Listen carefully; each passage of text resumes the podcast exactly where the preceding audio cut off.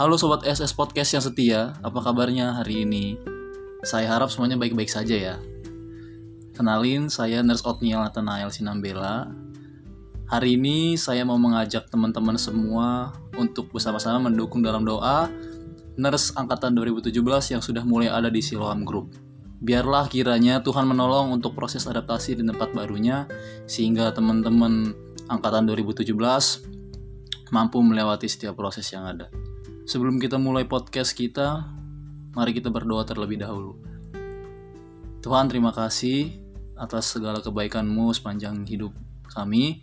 Sekarang kami mau mendengarkan podcast ini, kiranya podcast ini dapat uh, menyentuh hati dan pikiran kami sehingga kami dapat mengambil segala sesuatu yang baik dari podcast ini. Inilah doa kami Tuhan, kami serahkan semuanya dalam tangan Tuhan. Dalam Tuhan Yesus kami bersyukur. Amin. Ya oke, okay, nats kita hari ini dari 1 Petrus 4 ayat 12 sampai 19 dan nats berikut akan dibacakan oleh Nurse Daniel yang saat ini ada di Siloam Kupang. Terima kasih atas supportnya dan kiranya Tuhan menjadikanmu berkat bagi Siloam Kupang.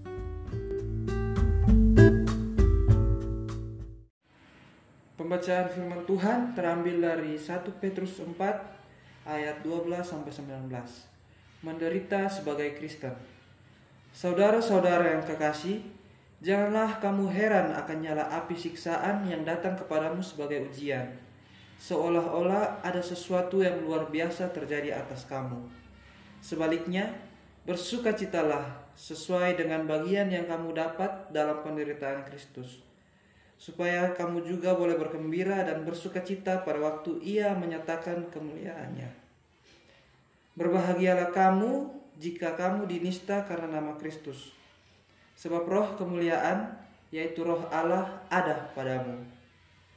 Janganlah ada di antara kamu yang harus menderita sebagai pembunuh, atau pencuri, atau penjahat, atau pengacau. Tetapi, jika ia menderita sebagai orang Kristen, maka janganlah ia malu, melainkan hendaklah ia memuliakan Allah dalam nama Kristus itu. Karena sekarang telah tiba saatnya penghakiman dimulai, dan pada rumah Allah sendiri yang harus pertama-tama dihakimi. Dan jika penghakiman itu dimulai pada kita, bagaimanakah kesudahannya dengan mereka yang tidak percaya pada Injil Allah? Dan jika orang benar-benar hampir-hampir tidak diselamatkan, apakah yang akan terjadi dengan orang fasik dan orang berdosa? Karena itu, baiklah juga mereka yang harus menderita karena kehendak Allah, menyerahkan jiwanya dengan selalu berbuat baik kepada pencipta yang setia.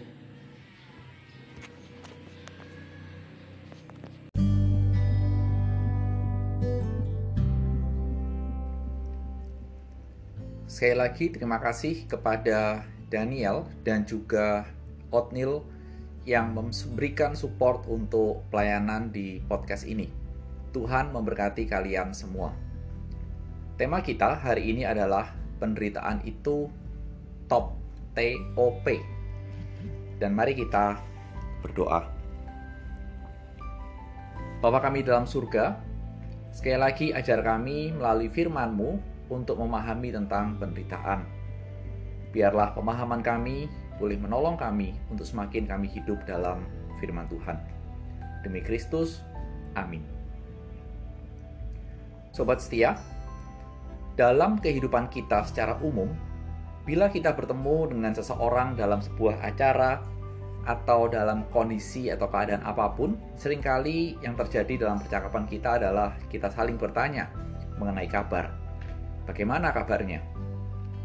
Kira-kira itulah pertanyaannya. Dan apa yang sering kali menjadi jawaban kita? Kalau dulu jawabannya selalu baik, dan mungkin saat ini bertambah tidak sekedar baik, tapi kita akan menjawab, "Oh, aku sehat, baik, dan semuanya berjalan lancar." Kira-kira menjadi seperti itu jawabannya bagi kita. Ketika seseorang ditanya, "Mengapa sulit bagi seseorang untuk menceritakan kabar yang sesungguhnya, berita yang sesungguhnya?" Mungkin menceritakan kesulitannya atau penderitaannya kalau kita bertanya pertanyaan itu, mungkin ada banyak kemungkinan bagi seseorang. Kalau ia enggan menceritakan kesulitannya karena ya bisa jadi malu.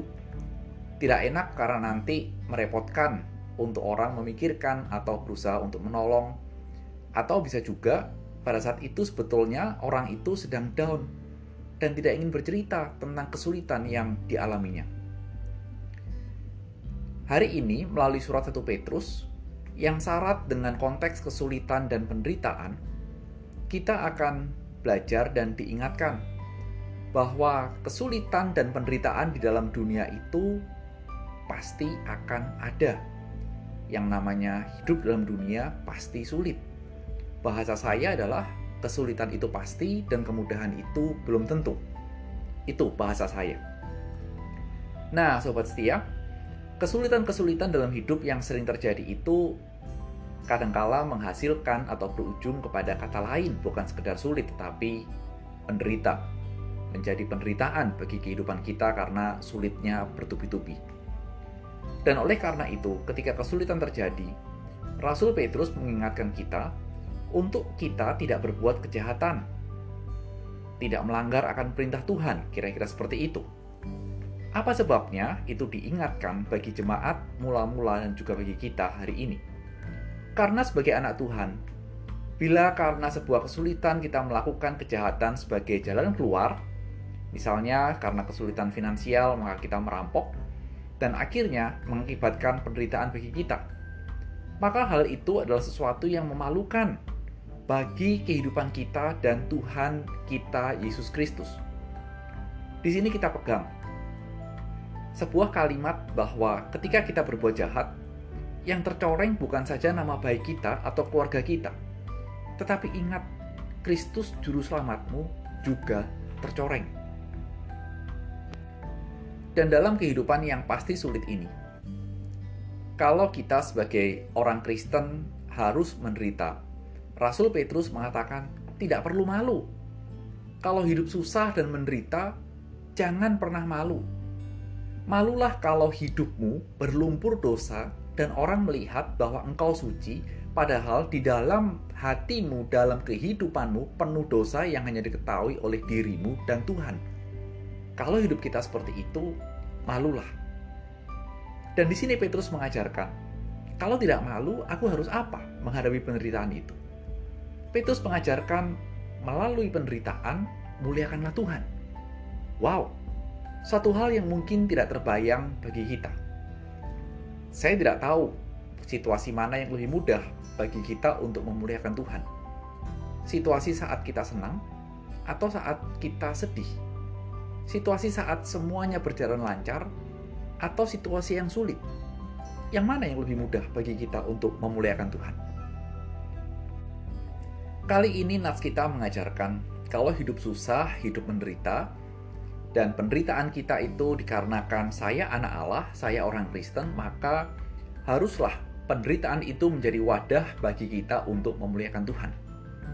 Dan yakinlah bahwa bila itu terjadi, maka itulah yang dikehendaki Tuhan. Sehingga berdasarkan nats ini, ketika hidup sulit, hidup tidak lancar, hidup susah, banyak pergumulan, waktunya bagi kita untuk memuliakan Tuhan. Mungkin kita semua berpikir, bagaimana memahami bagian ini dan bagaimana melakukan firman Tuhan ini. Sobat setia, saya akan memaparkan dua bagian ini. Yang pertama adalah ketika kita susah, sulit, menderita, berusahalah tetap membuat Tuhan tersenyum. Membuat Tuhan tersenyum itu gampang, benar-benar mudah. Tetaplah beriman dan jauhi dosa. Cuman itu yang membuat Tuhan tersenyum.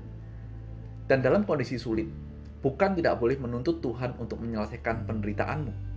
Tetapi apabila penderitaan dan kesulitanmu tidak selesai, maka janganlah engkau marah dan mengutuki Tuhan.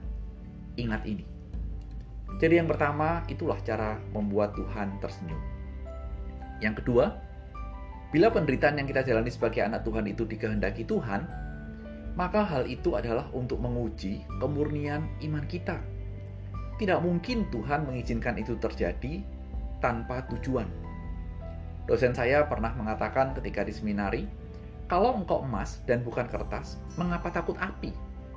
Sekali emas akan tetap menjadi emas, ketika dibakar, emas itu akan meleleh, tapi kemudian akan kembali menjadi emas, tidak berubah.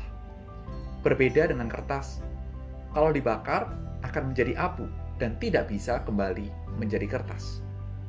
Kita ini sebagai anak Tuhan menghadapi penderitaan, emas atau kertas.